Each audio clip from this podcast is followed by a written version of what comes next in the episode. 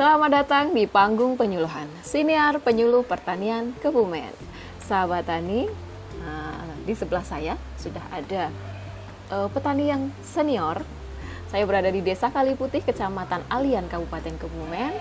Ya sahabat tani, kita langsung saja sapa beliau yang sudah ada di samping saya. Beliau adalah Bapak Mingun. Selamat sore Pak Mingun. Selamat sore. Selamat sore Pak Mingun. Pak Mingun ini uh, mohon maaf Pak, saya sapanya Pak Mingun saja nggih? Pak Mingun. Atau ada mungkin sapaan-sapaan yang familiar gitu di desanya? Sementara tidak dipotong panjang Sementara. banget kalau di, kita kita urutkan sampai kerandah tuh panjang banget panjang Pak sekali Mingun, jadi lebih baik uh, lebih singkatnya Pak Mingun itu sudah nama bekenya ya sudah yeah, nama yeah. tenarnya di desa Kaliputi apa kabar nih Pak Mingun Alhamdulillah baik sehat ya Pak Mingun ya? sehat, ya sehat Alhamdulillah sekali dan saya berada di kediaman beliau dengan uh, backgroundnya yang uh, tentunya sahabat tani bertanya-tanya ini apa ini backgroundnya? Nanti kita tanyakan kepada Pak Mingun. Oke. Okay. dan uh, kalau tidak salah ini yang menggambar adalah beliau. Betul Pak Mingun? Betul sekali. Wah, luar biasa sahabat tani. Se selain sebagai petani yang senior beliau juga seorang pelukis handal gitu. Oke sahabat tani, kita akan kenalan lebih dahulu ini dengan Pak Mingun, kenalan lebih mendalam lagi. Bapak Mingun, silahkan perkenalan kepada Pak sahabat tani kita di rumah gitu uh, uh, Pak Mingun itu kan dari awalnya sudah sebagai petani atau baru terjun ke pertanian? Monggo bisa dikenalkan. Ya, selamat sore. Selamat sore semua. Ini kita perkenalan diri atas hmm. nama saya itu Mingun. Serku memeran diri satu keluarga sekaligus ya. Istri saya satu, anak saya sembilan istri satu, anak sembilan. Betul Istrinya nggak pengen nambah lagi nih Pak? Sementara belum. Sementara kalau belum ah, berarti ada niatan. Ya, mungkin mungkin ada niat, tapi okay. ya nggak mungkin tercapai karena oh, udah gitu. usia udah lanjut. Nah sekaligus kita menceritakan bahwa uh, perkenalan ini mungkin bisa menjadikan uh, kalau nyontoh anak sampai sembilan ya bahaya ya Pak ya. Cukup dua. Kalau saya itu dulu masih lost masih loss dengan arti berapa satu satu satu turunan itu dikeluarkan semua. Hmm. Nah ini alhamdulillah kita tercapai anak saya sembilan. Alhamdulillah dengan detik ini saya cuma berdua hmm. kakek sama nenek. Hmm. Anak saya karena kita orang tani hmm. itu anak saya itu merantau mencari pengalaman di luar sana atau di Jakarta. Itu pulangnya ada yang setahun sekali, ada yang 10 tahun sekali. 10 tahun sekali. Betul. Jadi kita cuma berdua di rumah, hmm. kita duduk di sini sambil melanjutkan dari uh, keturunan saya itu warisan saya itu pertanian. Hmm. Petani saya itu dulunya kita nanam kelapa, nanam cengkeh. Kalau sekarang kelapa tetap kita uri-uri, kita lanjutkan tapi cengkeh karena harganya cengkeh itu menurun, akhirnya tidak kita rawat. Walaupun berapa pohon masih hidup, tapi katakanlah cengkeh sudah hampir purna. Kedua, kita lari ke rempah-rempah, kapulaga, panili, terus merica, ada kemukus, dan itu pun karena petani sini itu memang katakanlah kita coba tanaman apa saja tuh memang tantangannya tuh air yang kurang musim kemarau akhirnya uh, tanaman tersebut bisa menghasilkan dengan sempurna. Hmm. Nah sekarang kita nanam kita kunci coba nggak kapok-kapok tetap kita semangat kita nanam kopi jenis kopi arabica dan nangka Alhamdulillah kopi Arabica tersebut sudah mulai berkembang hmm. dan nangka sudah ada penyambungan. Tapi ini kalau memang memang musim kemarau, mungkin saya juga bagaimana caranya, hmm. solusinya bagaimana. Kalau sekarang dilihat perkembangannya ya lumayan bagus, hmm. begitu. Oke sahabat tani lumayan lengkap ini jawabannya Pak Mingun. Jadi dari awalnya tadi uh, sudah diceritakan ya Pak ya, Mingun. Ya. Pertama beliau di Desa Kaliputih ini sekarang tinggal berdua bersama ibu, okay? ya, padahal putra beliau ada sembilan. Sembilan. Dan kesembilannya itu merantau. Betul. Merantau tetapi tetap dalam bidang pertanian bukan begitu ya Pak? Mingun Betul. Ya?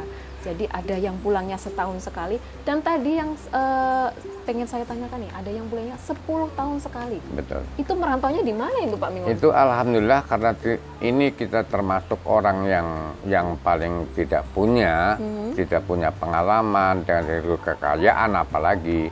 Ini anak saya bisa yang anak nomor dua tuh Mhm. awal pertama merantau 2009 2009 apa 2000 ya kalau nggak salah 2009 itu merantau ke New York Amerika. New York, Amerika. Betul.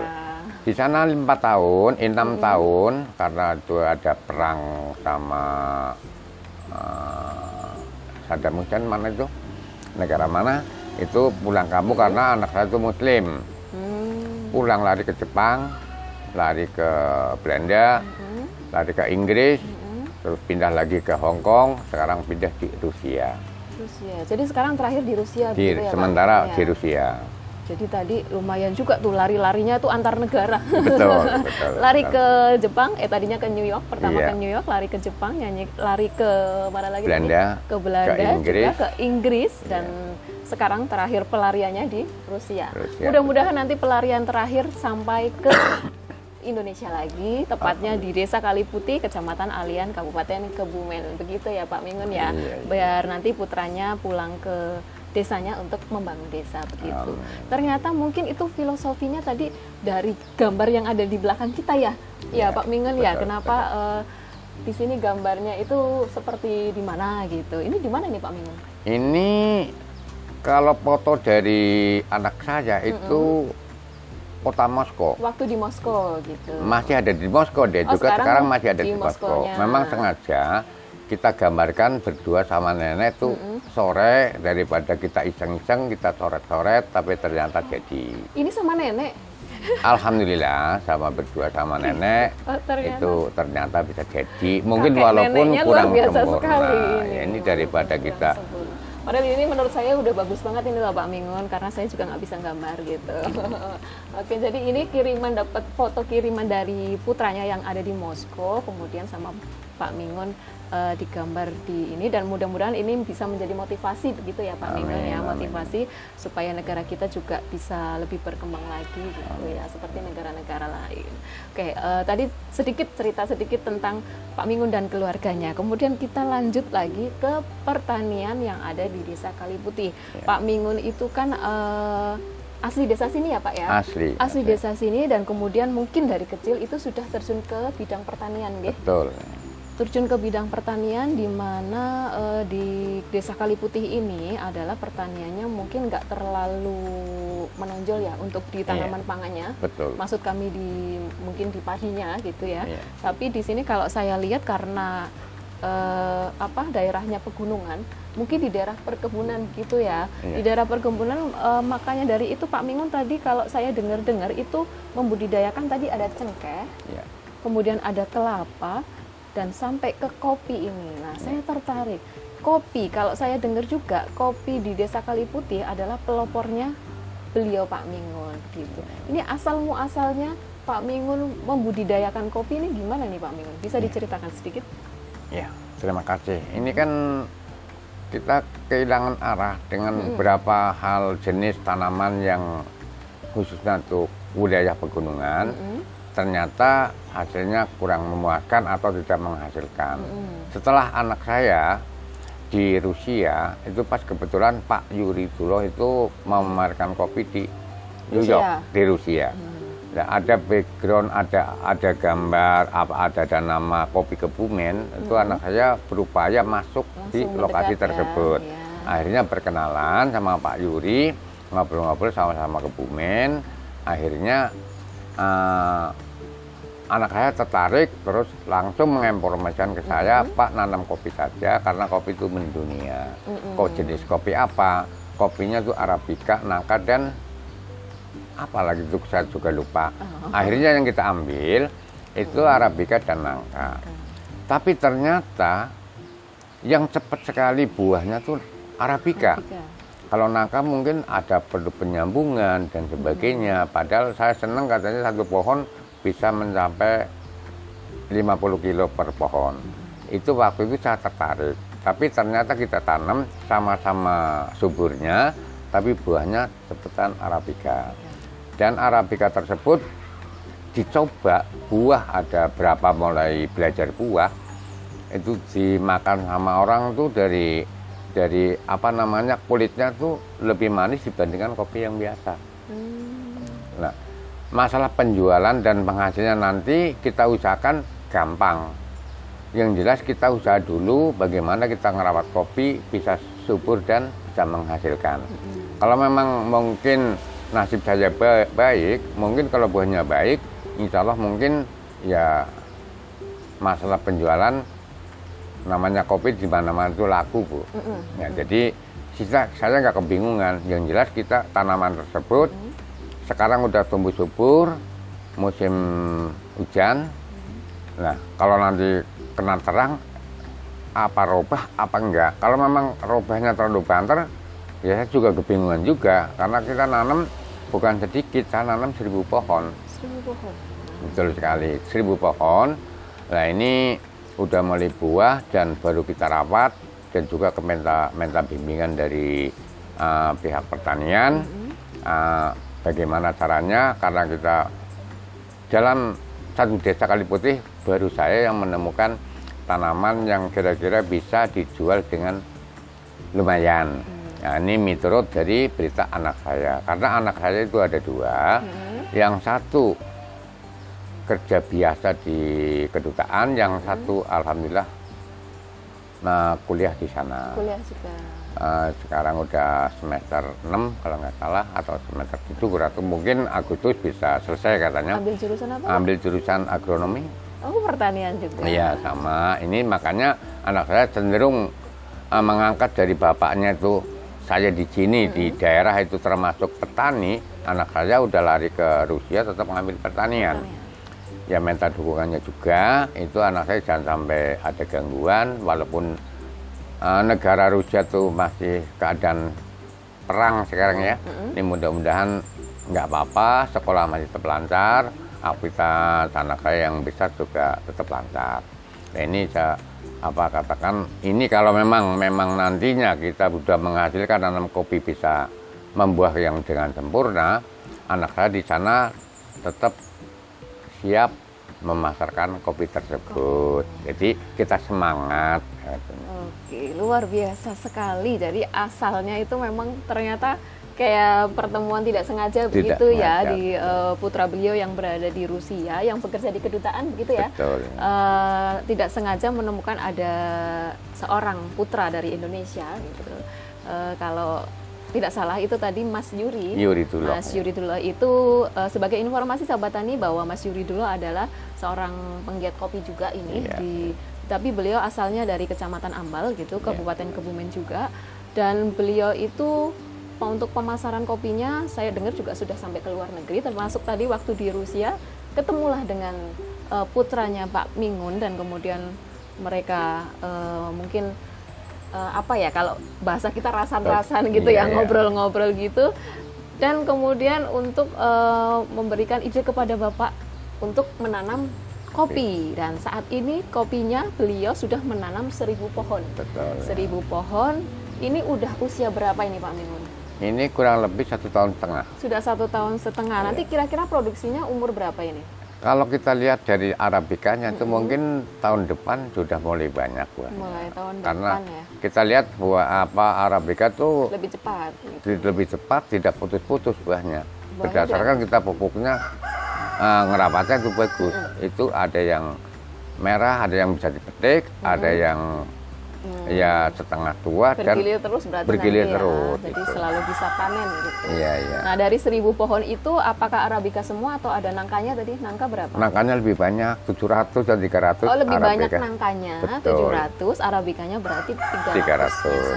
saja. Tapi yang sudah mulai kelihatan eh, produksinya itu mau arabica dulu Arabica, gitu ya. iya. Arabica dulu. Ternyata eh, tadi ada tiga varietas sebenarnya, cuman di tanam cuma dua. Iya iya. Cuma dua. Nah ini bibitnya tadinya dari mana? Nah, karena itu informasi dari anak saya, Mm-mm. Pak Yuri itu nggak segan-segan langsung ngejar ke tempat rumah Langsung saya ini ke sini gitu. menawarkan itu anak saya juga menginformasikan besok ada tamu dari Ambal namanya Pak Yuri dia eh, memamerkan kopi di Rusia. Di sini mau ngajak eh, saya saya suruh ke rumah bapak supaya bapak mau nanam kopi. Ya ternyata nyampe sini beneran. Terus saya ini kopinya dari mana dan bibitnya di mana? Ternyata Pak Yuri yang mencarikan itu bibitnya kalau nggak salah dari Surabaya kalau nggak Dari salah. Surabaya. cuman kita ngambilnya cuman dari rumah Pak Yuri Oh, eh, Bapak yang so- langsung rawuh ke Ambal. Pak Yuri Oh, ya Gitu. Ya, jadi eh, tetap dengan pendampingan beliau Pak Yuri tadi ya. Betul. Ya, sahabat tani kapan-kapan kita podcast Mas Yuri itu tadi. Kita eh, ke Kecamatan Ambal dan kalau tidak salah di rumah beliau juga ada kafenya aja Pak. ya? Betul, Ada betul. kafenya nanti kita tanya-tanya langsung ke beliau tentang kopi juga. Lanjut Pak Mingun untuk eh, perawatannya pohon kopi yang ada seribu pohon ini Pak Mingun sendiri atau dibantu sama rekan? ini dibantu sama rekan saya karena kita usia sudah tua mungkin harapan apa pikiran tetap masih muda harapan masih sama tapi fisik nggak mungkin. Akhirnya saya minta bantuan sama eh, rekan-rekan saya. Dan saya juga lagi ini mungkin merencanakan tahu tahu jadi tahu enggak ini ada penemuan baru dengan pemupukan itu pakai apa? Eh, air kencing kelinci. Kelinci. Nah ini apa baik apa enggak? Saya belum kita coba dan saya sudah beli. Ada berapa jerigen mungkin ada 40 liter. Belum pernah saya pasang. Saya masih eh, karena itu bisa dikatakan eh, kalau memang pas ya bagus kalau memang pas bisa mati. Makanya saya minta minta petunjuk atau minta bimbingan dari petugas pertanian apa itu Penyuluh betul pertanian. ya ini khususnya karena itu menyangkut eh, pertanian saya juga ada informasi langsung langsung saya cari ya dapat ya saya beli tapi mau masangnya masih bingung. Kok takarannya bagaimana supaya kopi tersebut bisa cepat buah dan subur terus Oke, kalau menurut informasinya memang eh, urin kelinci itu bagus nggih Pak Mingun. Iya, Urin iya. kelinci bagus, tapi eh, kita belum pernah tahu untuk yang tanaman kopi. Monggo nanti bisa dikomunikasikan dengan penyuluh wilayah binaannya di Desa Kali Putih dan silahkan untuk eh, jangan segan-segan untuk main ke PPP atau mungkin penyuluhnya yang main ke sini kayaknya juga lebih asik main ke sini nggih Pak Mingun. Iya. Apalagi kalau disuguh sate kambing juga. Kayak Pak Mingun bercanda Pak Mingun. Iya. Oke, untuk selanjutnya dari seribu pohon itu kan nanti harapannya, harapannya ke depan itu apakah rencananya ini untuk Pak Mingun produksi kopi sendiri atau mau dijual dalam bentuk bijian kopi atau gimana ini Pak Mingun? Ini mungkin karena itu ide dari anak saya. Anak saya itu ada sembilan. Mungkin ide-ide itu uh, mungkin penemu yang lebih baik yang mana yang bisa menguntungkan dalam pihak dalam uh, saya. Kalau apabila lebih baik dijual biji ya mungkin kita jual biji. Apabila di produk yang dijadikan kopi ya mungkin mau juga. Itu karena anak sembilan itu punya punya masukan tersendiri sendiri-sendiri. ya barangkali saya udah udah ada ada apa kopinya terus ada anak yang lain ada pengalaman yang Yang ahli bisnisnya yang ahli mungkin. bisnisnya. Mungkin kita ikuti uh, kita cuma sebagai orang tua tuh nanam tapi masalah pengolahan kelanjutan itu kita serahkan pada anak saya. Oh gitu, oke. Tetap eh, putra-putranya yang kesembilan itu tetap eh, ini ya harus mendukung bapaknya dan eh, bapaknya juga semangat karena putra-putranya juga memberi motivasi. Walaupun bapak itu sudah senior, sudah sepuh maksud kami. Kalau boleh tahu usianya berapa sih nih Pak Mingun? 66 Eh, masih muda Pak. oh iya muda sekali Masih bisa punya istri lagi loh Pak. waduh ampuh. Oke, bercanda lagi Pak Mingun. Iya, iya, iya. Dan ini untuk harapannya ke depan, Pak Mingun itu kan berada di Desa Kaliputih yang eh, mungkin bisa dikatakan untuk sentra tanamnya itu kurang ya, kurang menonjol. Iya. Harapannya untuk petani-petani kita yang ada di Desa Kaliputih itu apa ini? Apakah mungkin eh, atau mungkin saja kalau pemuda desanya di sini itu merantau-merantau atau eh, terjun di bidang pertanian juga ini, Pak? Ini kalau pemuda-pemuda di Dukuh Blimbing Desa Mm-hmm. Kaliputih khususnya itu semuanya merantau. Semuanya. Semuanya merantau. Mungkin lebih dari 50% Mm-hmm. dari angka jiwa pemilih. Hmm. Karena kalau di catatan semuanya itu ada 5.000 sekian, tapi hmm. kalau ada di TPS cuma masuk 2.500 kurang. Hmm. Nah ini katakanlah pemuda tersebut lebih banyak di perantau dibandingkan yang di rumah. Tinggal dia nah ini di sini mencari pengalaman mungkin, hmm. dan di sini saya kepengin jangan sampai uh, ke kelanjutan bahwa pemuda yang harusnya masih mencari uh, ilmu pendidikan hmm. akhirnya ditekan sama orang tua atau melarikan diri untuk cari uh, apa penghasilan lari ke Jakarta sedangkan pendidikan baru SMP hmm. baru SMA kadang-kadang. Itu sudah lumayan SMP sudah kabur ke Jakarta. Ini di sini harapan saya ke depan apabila kita menanam kopi itu bisa menghasilkan yang dengan sempurna. Harapan saya warga Limbing khususnya Desa Kaliputih itu biar jangan terlalu banyak yang merantau. merantau karena ini yang ditinggal di desa itu semuanya orang tua semua jadi rata-rata yang muda itu dirantau bukan dirantau di sana mencari yang tidak benar tapi alhamdulillah benar hmm. tapi lokasi pertanian di sini akhirnya sampai kapan pun tetap tidak bisa maju hmm. kita dicoba dibantu anak saya saya juga minta bantuan sama petugas uh, pertanian bagaimana caranya mengangkat pertanian bisa menonjol hmm. di lokasi blimbing ini. Baiklah, jadi harapan Pak Mingun, beliau sebagai petani senior di Desa Kaliputi uh, adalah untuk para pemudanya uh, merantau boleh, tapi untuk mencari pengalaman, hmm.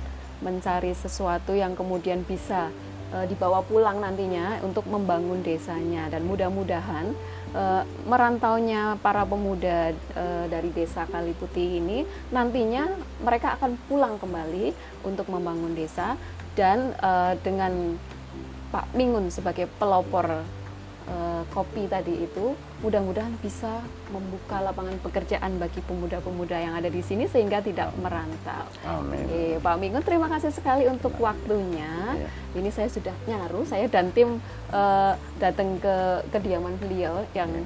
lumayan cukup uh, bikin betah kalau saya bikin betah ini kita di lantai oh, atas ya Pak Mingun ya, ya di iya, lantai ya, atas dan dari atas ini kita bisa melihat uh, pemandangan desa Kaliputih sampai ke yang bawah-bawah. Dan sahabat tani, petani Indonesia berjaya, sejahtera, dan bahagia. Penyuluh pertanian Kebumen aktif, kreatif, inovatif. Saya Yuni Miarsi, terima kasih dan sampai jumpa. Terima kasih Pak Mingun. Terima kasih.